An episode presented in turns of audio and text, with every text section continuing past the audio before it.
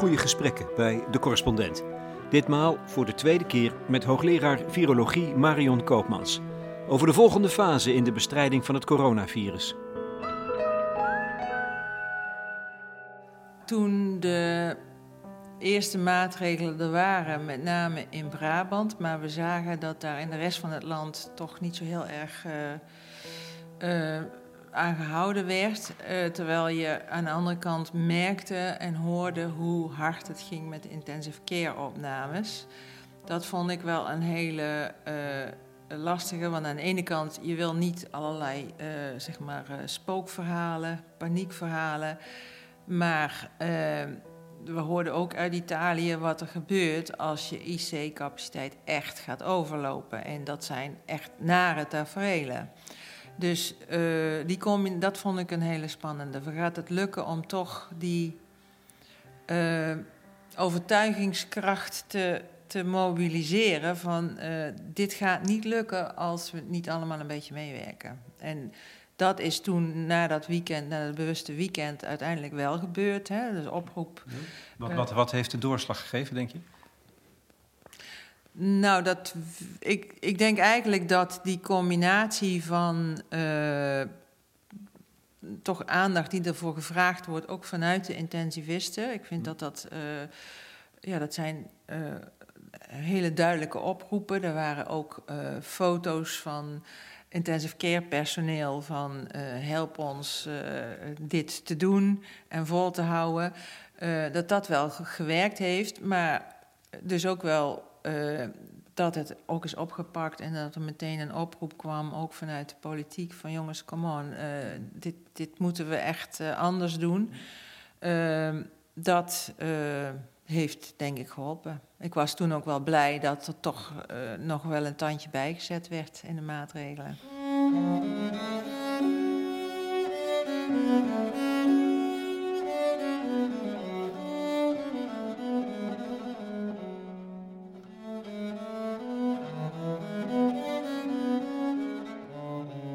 Witte Donderdag, 9 april 2020.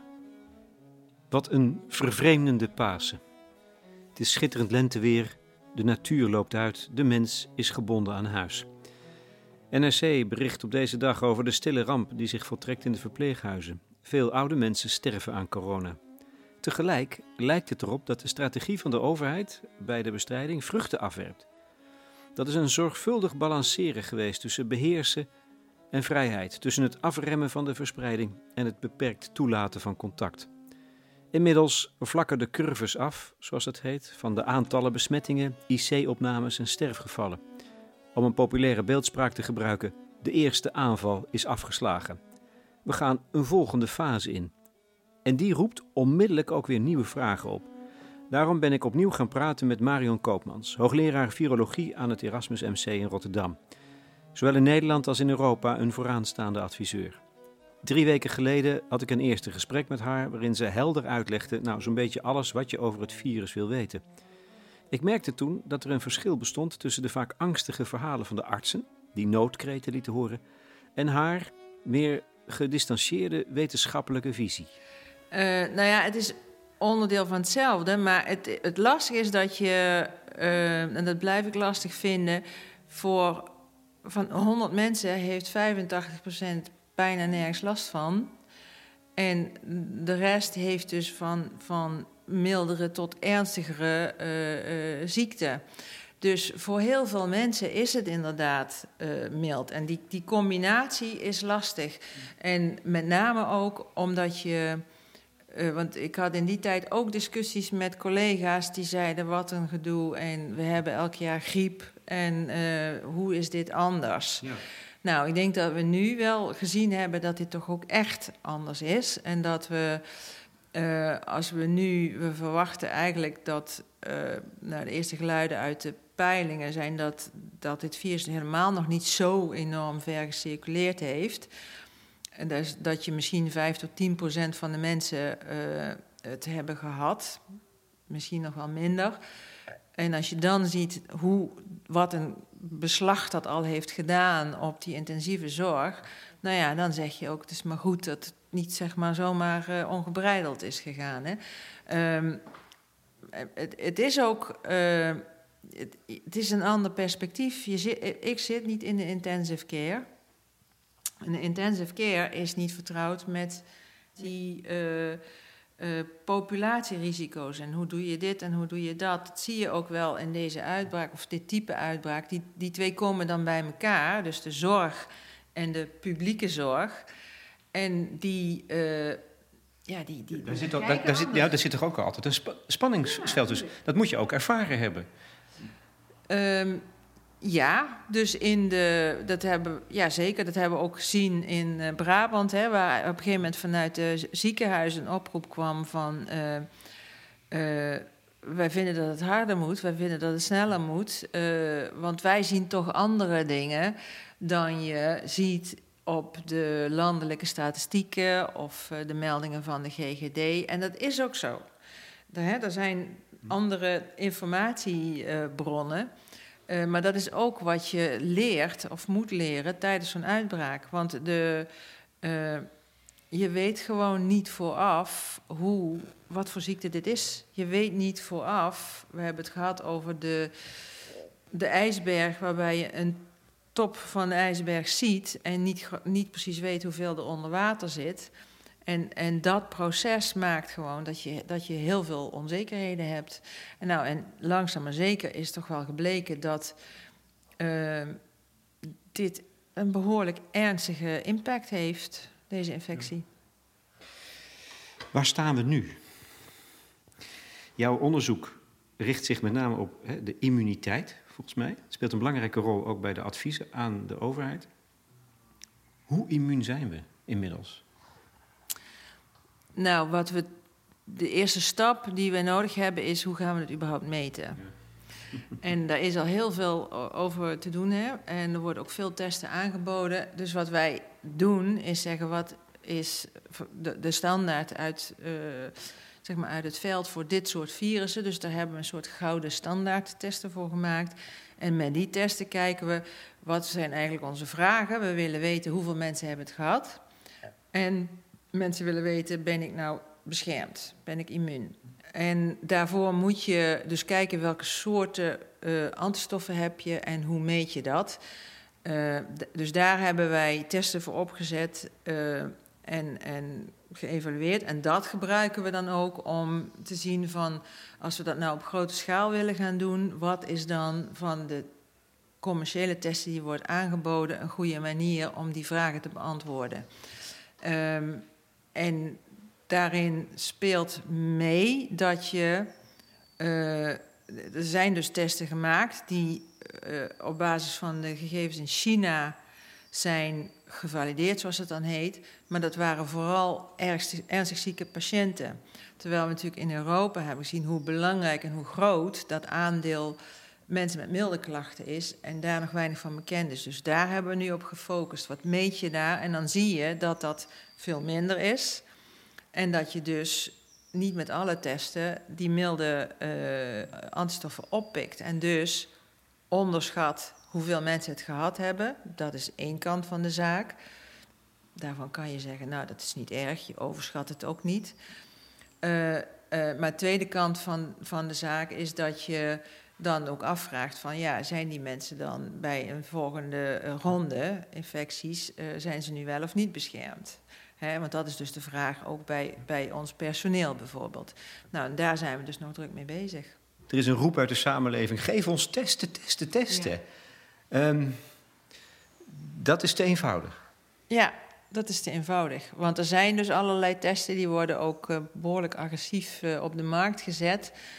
Ehm, waarbij eh, de vraag is of zij, ja, hoe goed ze zijn. We zien testen waar, ehm, eh, die niet specifiek genoeg zijn, dus waarbij je fout positieve uitslagen krijgt. Dat is niet goed, want dan denk je dat je beschermd bent en ga je misschien wel bij ouderen op bezoek en eh, loop je dus het risico dat je het ongemerkt toch aan het binnenslepen bent. En we zien aan de andere kant ook eh, fout negatief. Daarvan zou je kunnen zeggen, nou dat is dan minder erg. Hè? Want dan, nou ja, dan, ga, dan overschat je het in ieder geval niet. Maar allebei eh, zien we. En uh, kijk, du moment dat je testen ziet die echt heel robuust zijn, dan zou je kunnen zeggen, nou prima, uh, laat gaan. En dan, dan kan dat, hè? dan kunnen mensen dat zelf uh, organiseren. Dat, want dat zou de markt kunnen overnemen vanaf dat moment. Dat jullie zeggen, nou dit is betrouwbaar, maak ze, verkoop ze. Ja, um, dat, dat, dat kan en dat, kan, dat zal ook gebeuren. Um, de, kijk, wij ik, ik, hou me bezig met wat is nou zinvol voor die bestrijding. Mm -hmm. daar hoef je niet per se één op één te weten wie heeft het wel of niet gehad. Daarvoor wil je weten hoe wijdverspreid is dit nu en wat maakt nou dat iemand immuun is. En dat, zijn, ja, dat is belangrijker voor uh, mensen die met kwetsbare mensen werken dan voor ja, iedereen die het leuk vindt om te weten. Het is een balanceeract, heb ik begrepen van het vorige gesprek met jou. Tussen afremmen en beheers aan de ene kant en vrijheid en loslaten en het virus zijn werk laten doen aan de andere kant om immuniteit op te bouwen. Heb je nou toch, ondanks alles, enig zicht op hoe, hoe, hoe ver het daarmee staat met die groepsimmuniteit? Nee, ja, dat groepsimmuniteit is iets wat je uit, verwacht dat er uiteindelijk ontstaat. En uiteindelijk kan over een paar jaar zijn. Hè? Um, met de eerste, uh, dus er zijn wat eerste peilingen gedaan. Denemarken bijvoorbeeld, die zag nou 3, 4 procent in een gebied waar ze veel patiënten hadden gehad. Dat houdt natuurlijk niet over. Um, eerste geluiden, in Frankrijk 10% in een gebied met heel veel uh, mensen. Dat betekent dus heel veel mensen het nog niet gehad hebben. Dat betekent dus ook dat je ongelooflijk moet uitkijken voor die volgende fase. Uh, en, en dat is wel iets waar we nu serieus mee aan de slag moeten. Want uh, je merkt ook wel, ook wel in de. Hè, ja, het wordt mooi weer. Mensen zijn het ook wel een beetje beu. Begrijpelijk. Uh, Dit is een bloedgevaarlijk moment eigenlijk. Ja, de. de dus de eerste fase is in feite heel goed gegaan, solidair, uh, weinig, weinig incidenten kan je haast zeggen. Uh, maar die volgende fase en hoe je dat gaat doen, dat wordt wel echt weer een uh, uitdagende klus. niet alleen voor de wetenschap, maar voor de hele maatschappij. Dus hoe doe je dat? Nu je gezien hebt wat dit virus kan doen, ook voor de zorg, maar ook voor de economie dat zijn natuurlijk allebei grote belangen. Dus hoe ga je dit nu doen voor de volgende fase? Dat is volgens mij het tweede, tweede deel van dit gesprek. Nog even een paar dingen over, over nu. Um, die robuuste tests die betrouwbaar zijn. Verwacht je, is er een verwachting voor wanneer, dat, wanneer je dat kunt vaststellen? Ja, we hebben robuuste testen, maar die, uh, eh, maar dat zijn echt hele bewerkelijke testen in het laboratorium. Je wil liefst een commerciële test die daar het goed mee vergelijkt. Die zijn er ook, maar daar zien we ook wel weer uh, een grote run op ontstaan. Ja. wereldwijd, want zo, zo is het gewoon. Uh, dus ook daar zullen we voorlopig te maken krijgen met schaarste en keuzes maken. En, en dan is de keuze, houdt het, tenminste is, dat is mijn vraag natuurlijk, moet je, zolang dat zo is, moet je het um, vooral bestemmen voor de zorg zelf. Mensen die in de zorg werkzaam zijn. Nou, op dit moment denk ik wel, omdat je. Uh, kijk, daar luistert het meest nauw. Dus, dus er zijn testen mogelijk om op zeg maar, bevolkingsonderzoek. Ehm, eh, te doen. Waar het RIVM mee aan de slag gaat, waar uh, de bloedbank mee aan de slag gaat. En je hebt dus die vraag bij de, het zorgpersoneel binnen en buiten het ziekenhuis. Dat is denk ik de, de eerste prioriteit. En daarnaast dus kijken van intussen, je leert steeds meer. Uh, en kijken met al die sneltesten en andere kits. Uh, nou, wat, hè, zit, kaf van het koren scheiden. En du moment dat er iets tussen zit wat goed werkt, dan kun je zeggen van nou, dan gaan we misschien breder uh, testen. Kijk je iedere dag naar, naar China? Wat daar gebeurt? Zeker, ja, want uh, dat is natuurlijk spannend. Ze zijn nu net iets meer dan twee weken. Ja. ja, de boel weer aan het openzetten. Wel echt heel stapsgewijs. Hè? Dus ehm, ja, dat wordt er spannend wat daar gebeurt natuurlijk. Is er iets over? Zie je al iets? Komen daar cijfers naar buiten? Eh, Cijfers die ook nog eens betrouwbaar zijn? Nou ja, eh, er zijn, ik heb het de, de afgelopen dagen niet expliciet bekeken. Ehm, wat je zag is een aantal dagen dat ze met name eh, reizigers oppikten, hè? dus de omgekeerde route.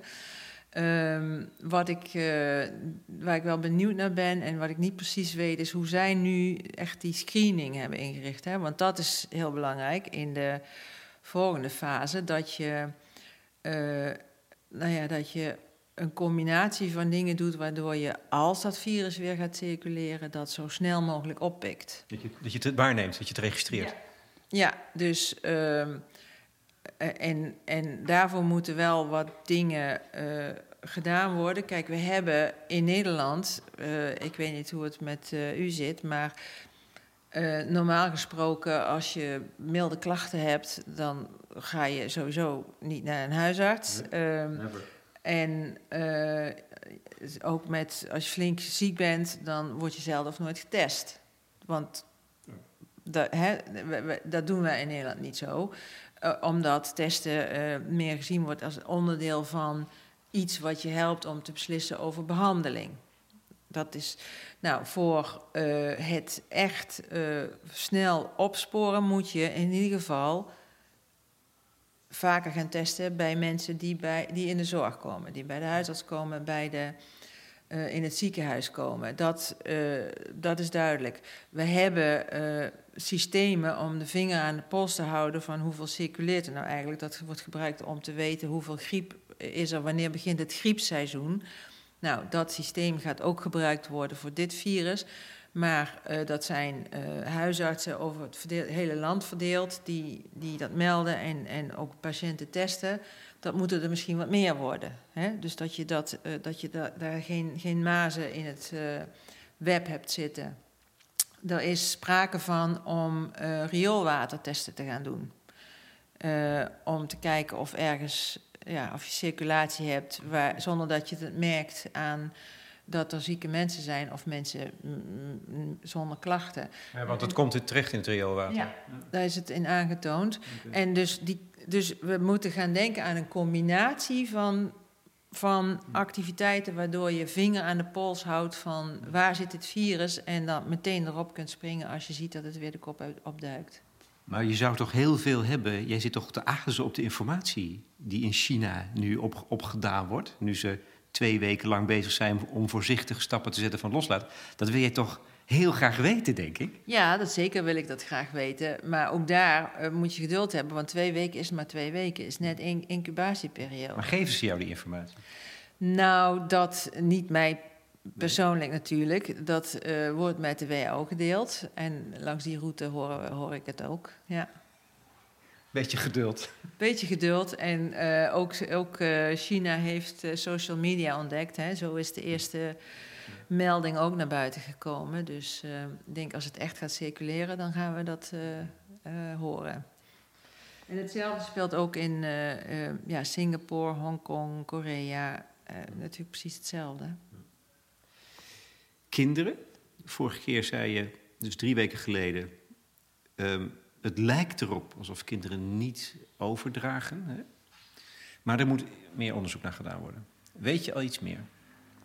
Nou, dat onderzoek is nog niet zo veel over eh, bekend. Ehm, ik heb inmiddels wel eh, eh, wat gegevens gezien waarbij gekeken is naar combinaties van gevallen, bijvoorbeeld in, in huishoudens. En dan zie je toch inderdaad ook daar weinig kinderen. Maar dat is dus mensen met, met ziekte. Om het echt precies te weten zou je eh, studies moeten doen waarbij je in een huishouden ook echt iedereen gaat bemonsteren en testen, eh, los van of ze klachten hebben of niet. Die studies die zijn nog steeds eh, in voorbereiding. En die hebben dus ook last gehad van de schaarste in bijvoorbeeld afnamemateriaal. Eh, Ja, het is, dus er is een heleboel wat kan, maar we hebben ook echt te maken met, met beperkingen van, ja, door de situatie. En dat is eigen aan wat een pandemie is. zo'n soort pandemie. Hè, Dat zijn toch nieuwe dingen voor, eigenlijk voor iedereen. Dat, je, dat, dat schaarste opeens een van de problemen is. Ja, dus in de. Ik zou het eens even moeten nakijken. In de, er, er is in eh, de eerdere pandemiedraaiboeken, ook, ook voor eh, eh, influenza.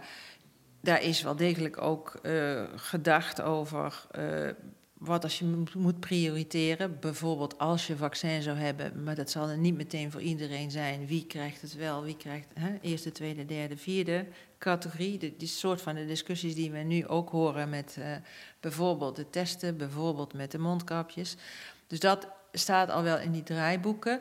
Eh, wat eh, ik me daar in ieder geval minder bewust van was, is die enorme impact van de markt en de effecten ook van eh, zo'n virus op dat, die marktwerking, doordat grenzen op slot gingen, doordat productie stilviel. En eh, ja, dat legt dus wel bloot hoe ook wel afhankelijk eh, we zijn van een wereldmarkt die verstoord raakt door deze uitbraak. Dus daar moet weer een nieuwe strategie op bedacht worden. Ja, en eh, er wordt veel eh, gevraagd bijvoorbeeld over Korea en testen. Maar Korea heeft dus enorm geïnvesteerd in het hebben van een bedrijfstak die testen maakt. Bijvoorbeeld, Singapore ook. Dat was hun. eh, dus na SARS hebben ze daar enorm geïnvesteerd in, in biobusiness rondom infectieziekten. Ja, dat, en dat, dat zie je dus terug. Ja.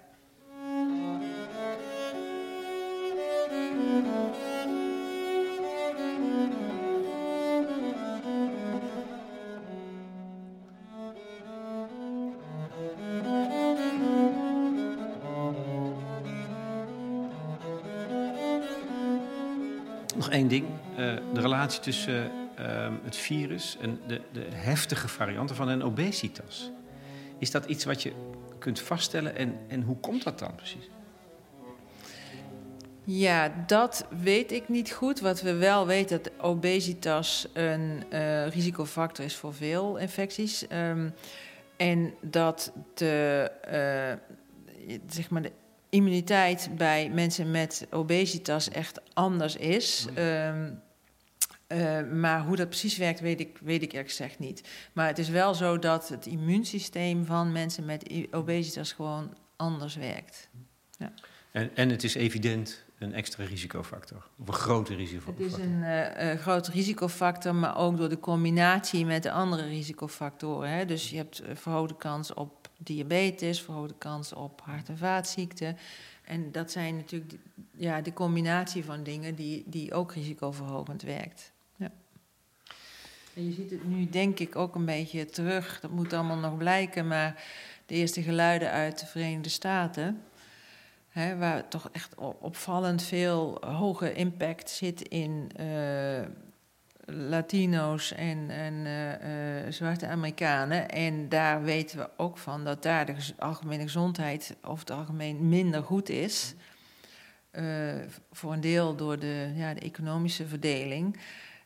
Maar daar speelt ook overgewicht een hele belangrijke rol. Dus eh, die cijfers zijn er nog niet, maar het zou mij niet verbazen dat als je dat ook daar gaat terugzien. En dat zou dus ook nog eens op een hele nare manier in beeld brengen... wat de gevolgen zijn van ongelijkheid in de wereld. Zeker. Ja, absoluut. Ja. Nou, die ongelijkheid heeft wel ook een andere kant. En die is eigenlijk ook wel eh, misschien goed om te noemen. Is dat er wat modelstudies zijn gedaan over wat is wat, hè, de vergelijking in impact, eh te verwachten impact in een aantal Afrikaanse landen. En daar heb je eigenlijk het voordeel van dat eh, de bevolkingsopbouw heel anders is en veel minder oud. En veel minder, mensen leven minder lang. Maar dat heeft dus in deze situatie, wrang genoeg, eigenlijk het gevolg dat de impact misschien wel minder groot gaat zijn. Ja, ik heb bijvoorbeeld begrepen dat bijvoorbeeld in, in Addis Ababa dat de gemiddelde leeftijd 18 jaar is, zoiets. Ja, en, en eh, dus dat is. Ik, ik heb dat niet gecheckt, maar eh, dat, dat zou wel echt bizar laag zijn. Maar dat zou dus kunnen, inderdaad ook kunnen verklaren dat je misschien wel veel minder impact hebt. Ongelooflijk. Ehm, het Outbreak Management Team van het RIVM, maak je daar deel van uit eigenlijk? Ja. Dacht ik al. Ehm, heeft, een, heeft de overheid geadviseerd, als het gaat over versoepelen van maatregelen, om dan vijf voorwaarden in het oog te houden. En dat is dat, is, dat, is dat management van, van, de, komende, van de nieuwe fase. Hè? We, gaan, we gaan nu echt een nieuwe fase in. Ja, dat klopt. Ja. Ehm, en de, waar we ook over gesproken hebben, is uh, hoe belangrijk het is om inderdaad te hebben over een nieuwe fase en niet uh, terug naar business as usual. Want dat is niet zo. Want dat gaat uh, voorlopig niet zo zijn en misschien wel nooit zo zijn. Nooit zo? Nou ja, uh, je moet je woorden wegen volgens mij. Ik weet het, ik weet het, maar ehm, ik meen het eigenlijk wel. Want dit is toch wel, nou ja, een grotere waarschuwing kunnen we niet krijgen over de kwetsbaarheid voor verspreiding voor infectieziekten. En dat hebben we regionaal gezien met ebola. We hebben het anders regionaal gezien met Zika. En we hebben nu eh, zelf ervaren hoe dat is. Um, en dat betekent dus dat, uh, wat mij betreft, we niet na deze uitbraak weer, uh, zeg maar, moeten gaan doen alsof nu hebben we dat gehad. Dus dat hebben we achter de rug. Maar moeten gaan bedenken van, oké, okay, dat is de nummer zoveel in de rij. Dus hoe gaan we dit voor de toekomst dan meenemen in hoe wij uh, nou ja, onze, on, onze zorg inrichten, hoe wij onze surveillance inrichten, hoe wij reizen, uh, hoe we steden bouwen. Zo. Dat moet echt onderdeel gaan worden, denk ik, van, uh, wow. ja, van hoe we voor de toekomst toch wat weerbaarder worden voor dit soort uitbraken. Dat is nogal wat, hè? Dat is een, echt een turning point. Je zegt met zoveel woorden, er is, er is geen terug naar af dat is in ieder geval een wens die ik heb. Het, het, er is geen terug naar af voorlopig voor deze infectie. En dan voorlopig, dan heb je het ook wel echt, denk ik, over een periode van een paar jaar. Uh, en uh, daarbij denk ik dat we dit dus echt moeten zien als van... oké, okay, nu zien we dus inderdaad, we ervaren de impact hè, van... -hmm. Um, die snelle verspreiding, daar is al uh, een aantal jaren ook gewaarschuwd. Hè. Denk erom, dit gaat uh, het staat op de WHO-lijst de, de tien grootste uitdagingen voor de komende tien jaar. Um, en dit is jaar één. Uh, dus uh, wij moeten dit echt gewoon gaan inbouwen in hoe we... Hoe we leven. Ja, hoe we leven, hoe we dingen organiseren, wat we onderzoeken, waar we in investeren als het gaat over nou ja, vaccinontwikkeling, dat soort zaken.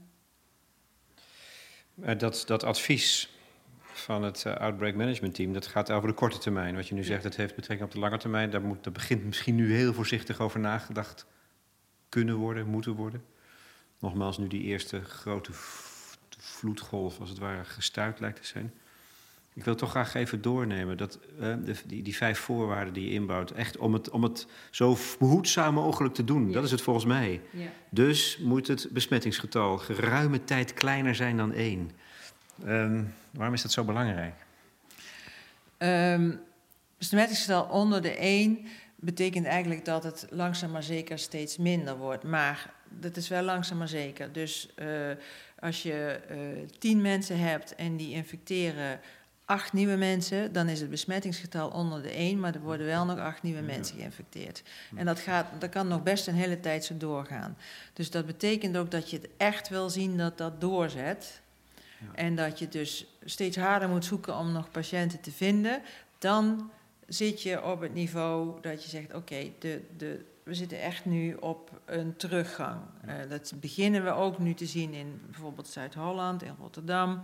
Beginnen we dat ook echt te merken in uh, de nieuwe, bijvoorbeeld in het screenen van ons personeel.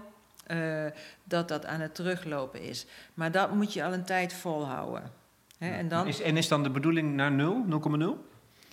Of is dat, want dan stopt het. Dan, dan, is het, dan ben je klaar. Dan is het... Bij nul stopt het, naar niet meer detecteerbaar. Dat is de, meer de wetenschappelijke term. Dus dat we eh, een tijd lang geen nieuwe eh, gevallen meer vinden. Dat is eigenlijk waar je naar zoekt. En die tijd lang is dan idealiter minstens één en misschien wel twee incubatieperiodes. Hè? Dus 14 dagen of een maand geen nieuwe gevallen dan zeggen we van nou, die circulatie nu valt in ieder geval wel mee. Er is net gisteren een, publicatie verschenen die ook toch inderdaad die relatie met uh, temperatuur legt. Dus dan hebben we misschien de komende maanden even daar uh, hulp van. Uh, in, het, in het laag houden. En intussen moet je dus ook heel erg gaan voorbereiden op hoe, hoe met het langzaam maar zeker weer op gang komen van het maatschappelijke verkeer, hoe, houden we dit zo? En hoe zorgen we ervoor dat we heel snel oppikken als er weer wel gevallen zijn? In ieder geval bouw je eerst in een herstelperiode voor de zorg. Dat vond ik heel opmerkelijk eigenlijk. Dat is de tweede voorwaarde. De zorg, zwaar overbelast denk ik nu, en door het werk en door de ziekte, um, moet kunnen herstellen. Nou, moet ook een inhaalslag kunnen maken. Want er zijn ook, uh, uh, er is allerlei zorg uitgesteld. Uh, er zijn polies dicht. er zijn oproepen nu van cardiologen die zeggen: het kan niet zo zijn dat er nu zo weinig mensen met dreigende hartaanvallen zijn. en het risico is dat je dus de, een, een tweede golf, maar van andersoortige klachten krijgt. En die, die gaat er geheid zijn, want er is dus uitgestelde zorg. En die moet uh, ook, uh, uh, zeg maar,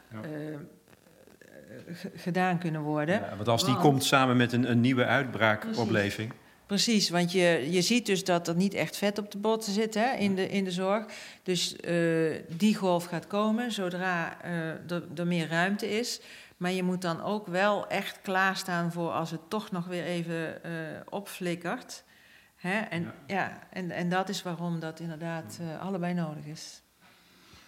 Want um,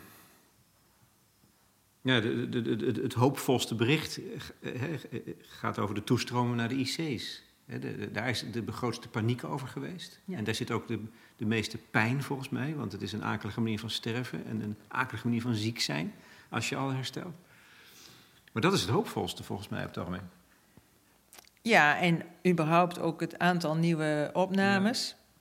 En sinds gisteren, ik, weet, ik heb de getallen vandaag nog niet gezien, maar gisteren dus ook zelfs een afname van het aantal mensen op de IC. Want uh, dat zien we wel ook, hè, dat, dat mensen er echt heel lang uh, liggen. Hè. Dus het is, uh, ja, de impact is groot. Ja. Dus voor die, die mensen die in die toestand terechtkomen en die gaan daar ook nog lang klachten van hebben. Is er niet een bewonderenswaardige prestatie geleverd eigenlijk? Als het gaat om, om, om de manier waarop de capaciteit is opgeschaald? Ja, dat denk ik echt. Dat is echt, uh, want dat is heel spannend geweest. Ik uh, zie het ook een beetje achter de schermen. Hè. De, Diederik Gommers, die uh, veel op tv is, die werkt bij Erasmus MC. Druk is enorm op die intensive cares. En het is echt een soort race geweest om inderdaad genoeg uh, bedden, mensen, ja, spullen te hebben om het überhaupt aan te kunnen. Met het toch ook wel het schrikbeeld van Italië. Hè? Want, je, je, want dat is dit hele, het hele streven. Kijk, die mensen die op de IC komen, die zijn nog steeds heel ernstig ziek. Ehm, maar de, ja, de overlevingskans daar neemt ook af als je niet genoeg tijd en ruimte hebt om mensen te behandelen. En dan moet je echt gaan denken aan, ja, wie krijgt nog wel de behandeling die we eigenlijk willen geven in intensive care en wie niet. En dat is enorm belastend, ook, ook gewoon mentaal. Ja. want dat is niet waarvoor mensen arts geworden zijn. En toch moeten ze keuzes maken. Ze zeggen eigenlijk, jullie, wij willen die keuze niet maken. De politiek of wie dan ook moet de keuze maken. Nou, nee, dat, dat, ze, ze, zeggen, ze pakken zelf ook die rol wel. Maar ze zeggen ook wel van ja, help ons om deze keus niet te hoeven maken. Dat is in feite wat ze, wat ze zeggen.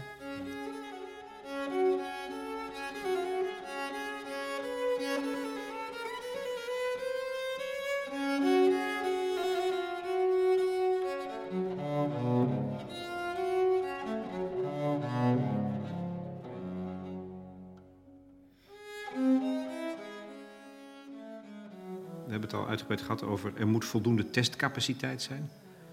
Dus die moet, nog, die moet nog opgebouwd worden. Daar zijn we eigenlijk nog niet. Dus dat is ook echt een voorwaarde. Die, hè, wat je net uit, omstandig hebt uitgelegd. Ja, dus die, zijn, die is wel echt uh, flink aan het toenemen. Maar wel ook met... Uh, hè, er zijn ook... Er is dus een groep bezig overal te kijken van... Oké, wat, wat zien we aan materialen uh, die, waar schaarste is? Waar halen we die vandaan? Ehm, en dat is toch elke keer met een paar weken vooruit. We weten niet of we over een maand genoeg spullen hebben om het volle testen te kunnen volhouden, bijvoorbeeld. Dus dat dit blijft toch echt wel uh, spannend. Voorwaarde daarbij is uh, dat je het volgt, dat je het kunt volgen wat er gebeurt. Bron- en contactopsporing. Ik heb het idee dat, dat wij nu overgaan naar de Aziatische methode, als ik dat even zo mag noemen. Je zei het net al, in China en andere landen. Uh, Taiwan heeft het gedaan, Korea, Singapore. Veel meer burgers volgen. Mag ik dat een Aziatische methode noemen? Nou, het is, het is eigenlijk bron- en contactopsporing is de basis van infectieziektebestrijding. Hè? Dus dat is eigenlijk het reguliere werk van de GGD's. Ja, ja, ja dus dat doen zij heel veel. Maar uh, dat is nu ja, op een schaal die wel echt anders is dan, uh, uh, dan ze gewend waren. Um, en voor deze infectie, vanwege dat die zo makkelijk ondergrond circuleert, wat we nu geleerd hebben, zal dat dus ook veel laagdrempeliger moeten. Ja. En daar zit wel echt, ja, daar merk je gewoon, dat hebben we ook zien, daar is uh, de manier waarop het nu is ingericht niet op toegerust. Dat echt laagdrempelige uh, bron- en contactonderzoek. Dat is dus wat uitgebreid wordt en waarbij dus ook gezegd wordt van nou, wat kan je daar helpen? Je kan natuurlijk um, tien keer zoveel mensen bij de GGD's neerzetten. Je kan ook kijken van is er moderne technologie die je kan helpen? Het is een, dat is, en dat is de Aziatische methode. Maar wel ook, kijk wat je in Korea hebt gezien. Uh, ja, je kunt online volgen waar uh, jij precies geweest bent of waar ik precies mm. geweest ben. Nou, dat is niet iets wat wij uh, willen in uh, Europa. Met, hè, de, en... Jij ook niet? Nee, nee, nee. Dat is, dat is ook voor jou een brug te ver, terwijl je weet, het kan helpen. Ja, nee, dat vind ik echt een brug te ver. Privacy is een, een, groot goed en dat soort dingen kunnen ook echt misbruikt worden. Dus ik denk niet dat dat past bij onze samenleving. Waar, vandaar ook dat ik toch echt ook wel uh, belangrijk vind om op, dat, ja, op de eigen verantwoordelijkheid te blijven ja, ja. appelleren. Uh, en daar hoort bij dat mensen misschien zelf wel moeten kunnen kiezen. Nou, ik, ik vind het oké okay om dat op deze manier te doen. Dat zal niet voor iedereen zijn. Um, maar misschien voor een heleboel mensen ook wel. Kijk, mensen willen ook getest worden. Hè? Dat is een grote groep. Misschien vinden ze dit ook wel. Uh, is er een grote groep mensen die dit wel wil doen. Uh, mits dat uh, goed uh, uitgezocht is hoe, hoe, veilig dat is hè, qua privacy.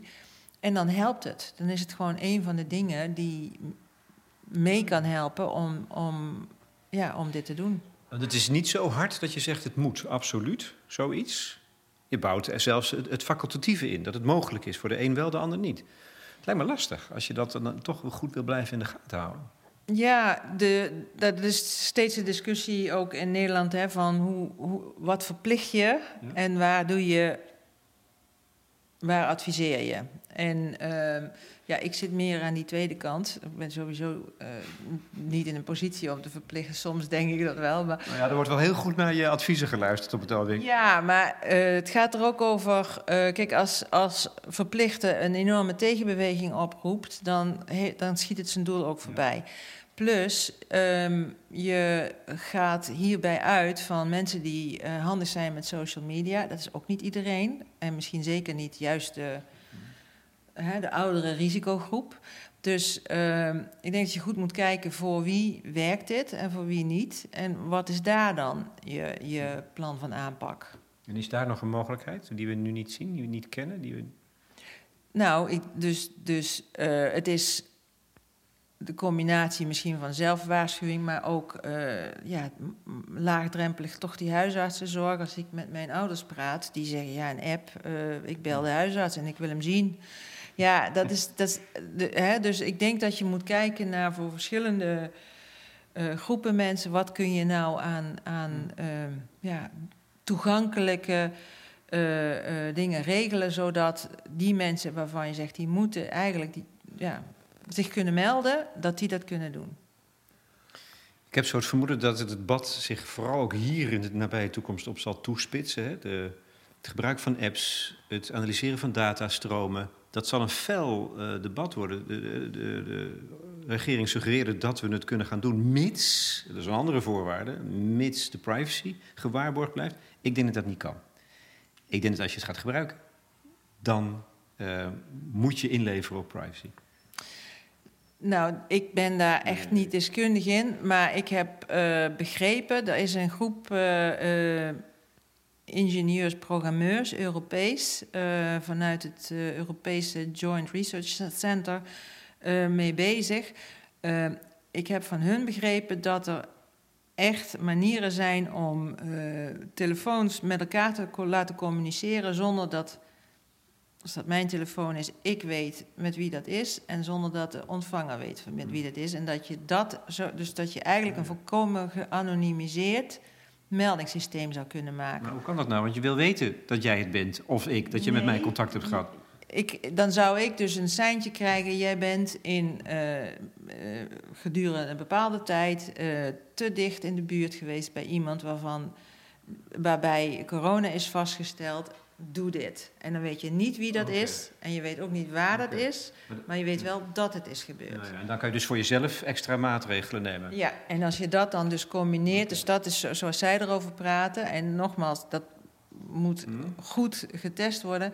Uh, en dan zou je dus een bericht krijgen met dit is wat je doet en neem contact op of uh, uh, met gewoon informatie.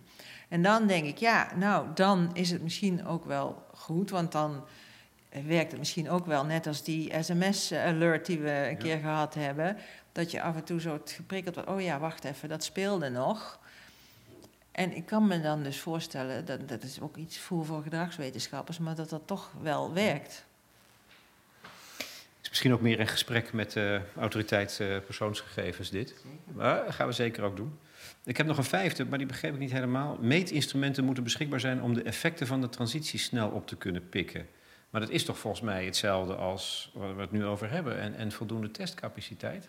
Nou, dit gaat denk ik ook over uh, surveillance. Hè? Dus dat je uh, bijvoorbeeld die pijlstations van huisartsen, dat je er daar genoeg van hebt. Dat je een systeem hebt uh, om opnames in ziekenhuizen goed te weten en ook te weten hè, wie is daar getest en wat komt eruit. dus dat een aantal van de registraties die nu opgetuigd zijn, dat die structureel gaan worden. Um, even, even heel concreet. Er zitten, als het gaat over waar begint het weer te bewegen, wat laat je los als eerste? Ik denk dat ongelooflijk veel mensen zitten te wachten op het moment dat ze hun ouders in verpleeghuizen weer mogen bezoeken. Ja. Is dat iets wat snel kan gebeuren of wat juist laat zal gebeuren? Uh, ja, dat is net een van de hele lastige, denk ik. Want dat is natuurlijk echt een kwetsbare groep. Uh, ook ouderen thuis. Ik heb er zelf ook mee te maken. Um, uh, dus ik kan mij voorstellen dus dat als er betrouwbare testcapaciteit komt... dat dat dus inderdaad wel een groep is waar je ook dat op gaat richten. Um, maar dat denk niet dat dat een van de eerste uh, gaat worden die je gaat doen. Wat wel? Want een van de eerste moet toch zijn van waar kan je uh, ja, met, eigenlijk met het minst mogelijke risico op weer grote impact. Uh, waar kan je dat doen? Ik zou, ik, ja, ik denk dat uh, bijvoorbeeld kleine bedrijven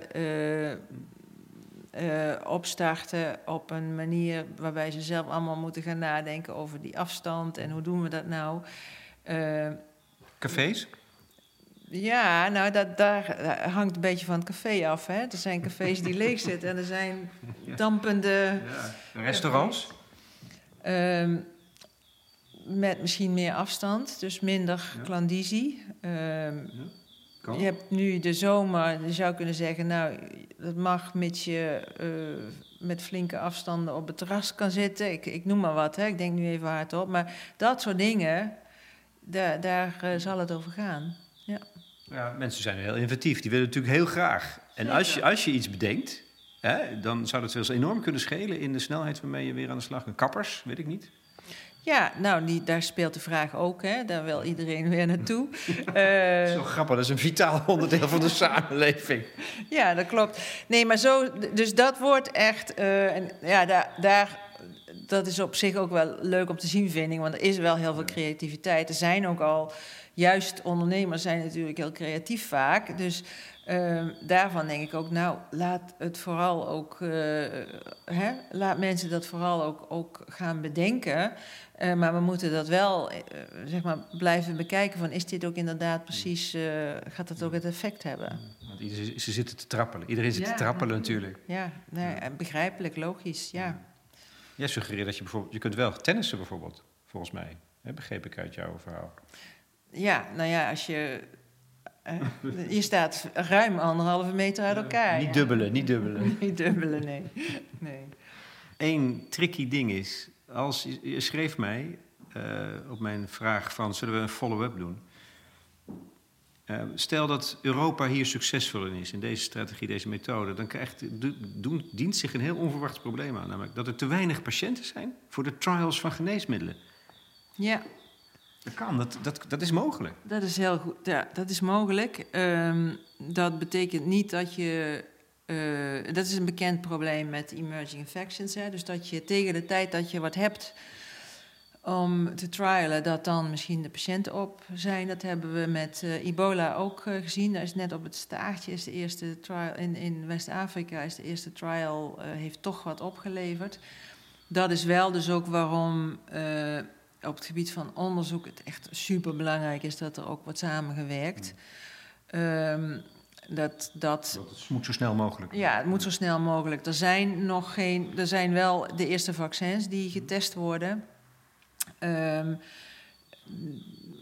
um, er zijn nog niet echt geneesmiddelen die, uh, die klaar zijn. Er wordt wel uh, dus gekeken naar uh, trials waarbij bloed van mensen die die infectie hebben gehad uh, misschien gebruikt kan worden.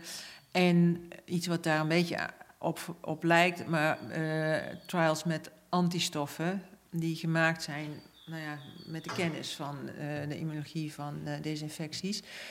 Um, en dat, kijk, daar zit wel echt een soort urgentie omdat je toch ook wel van moet uitgaan dat er wel weer ergens een keer wat terugkomt. En dan wil je eigenlijk iets in handen hebben. bijvoorbeeld voor die kwetsbare groepen. Dus die er is echt wel urgentie nog steeds. Gaat het snel, denk je? Meestal hè, een jaar, twee jaar bij de ontwikkeling van een vaccin ik vermoed toch dat dat sneller zal gaan nu. Als iedereen zo samenwerkt zoals jij vorige keer ook schetste. Nou ja, er zijn dus twee vaccins die ook echt nu in trial zitten. Uh, waarvan we dus moeten gaan zien wat die, hè, hoe, hoe, die immuunresponsen eruit zien. En dan dus ook hoe snel kan dat uh, opgeschaald worden. En dan moet je dus aan de andere kant, en dat is ook allerlei onderzoek wat nu loopt, kun je betrouwbaar zeggen wie nou echt het ri grootste risico hebben. Want dat zijn natuurlijk de mensen die je dan het eerst gevaccineerd zou willen zien. Mag ik je wederom hartelijk bedanken? Graag gedaan. En dan maar moedig voorwaarts weer, hè? Ja, moedig voorwaarts. Is dat ook zo dat we eigenlijk een soort moed moeten hebben om, om, om niet te veel aan de angst toe te geven en wel te willen leven en creatief te zijn? Is dat eigenlijk ook, dat is een heel ander terrein, niet van de viroloog, maar... Ja, het is, um, het is part of life. Hè? Het is iets wat gebeurt en ja, we moeten zien hoe we daarmee omgaan. En... Um, daar is een hoop creativiteit bij nodig, absoluut. En moed. En moed, maar het is ook wel, ja, het leven gaat verder. Uh, en uh, ja, over vijf jaar dan kijken we terug en dan zeggen we, weet je nog? Ja, ja. Maar dan staat de volgende over voor de deur. Precies, ja. Nee, dus we blijven er uh, mee bezig. Maar ik denk, ja, kijk, ik, ik vind het toch ook wel echt positief als je ziet hoeveel er hoeveel initiatieven er zijn. Hè? Hoeveel, uh, ja, weet je, alles het, het, het, zingen op de balkons, het klappen voor de zorgmedewerkers, de, eh, de scholieren die uh, op, in Den Haag, of de hangjongeren die op de markt voedselpakketten gaan maken. Er zijn echt wel hele mooie initiatieven, dus dat is ook mooi. Dank je.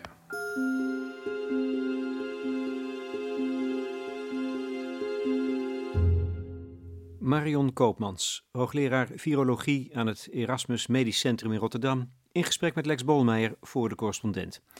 Dit was een follow-up van ons eerste gesprek drie weken geleden, toen naar aanleiding van de drastische maatregelen die waren ingevoerd om de verspreiding van corona tegen te gaan. Het maakt allemaal onderdeel uit van de coronagids die we bij de correspondent aan het bouwen zijn en die we voortdurend uitbreiden met veel expertise van wetenschappers die ons helpen om het inzicht te verdiepen, vragen te beantwoorden en de betrouwbaarheid van de informatie te waarborgen. Nu zullen er vast ook weer nieuwe vragen zijn. Nou, stel ze op het platform. Dat is toegankelijk voor leden. En je bent al lid van de correspondent voor zeven tientjes per jaar. De muziek tenslotte, voor de liefhebbers. Ik heb me deze keer beperkt tot één fantasie van Telemann, gespeeld door Ralph Rousseau. Ja, vond ik goed passen bij de stemmigheid van Witte Donderdag.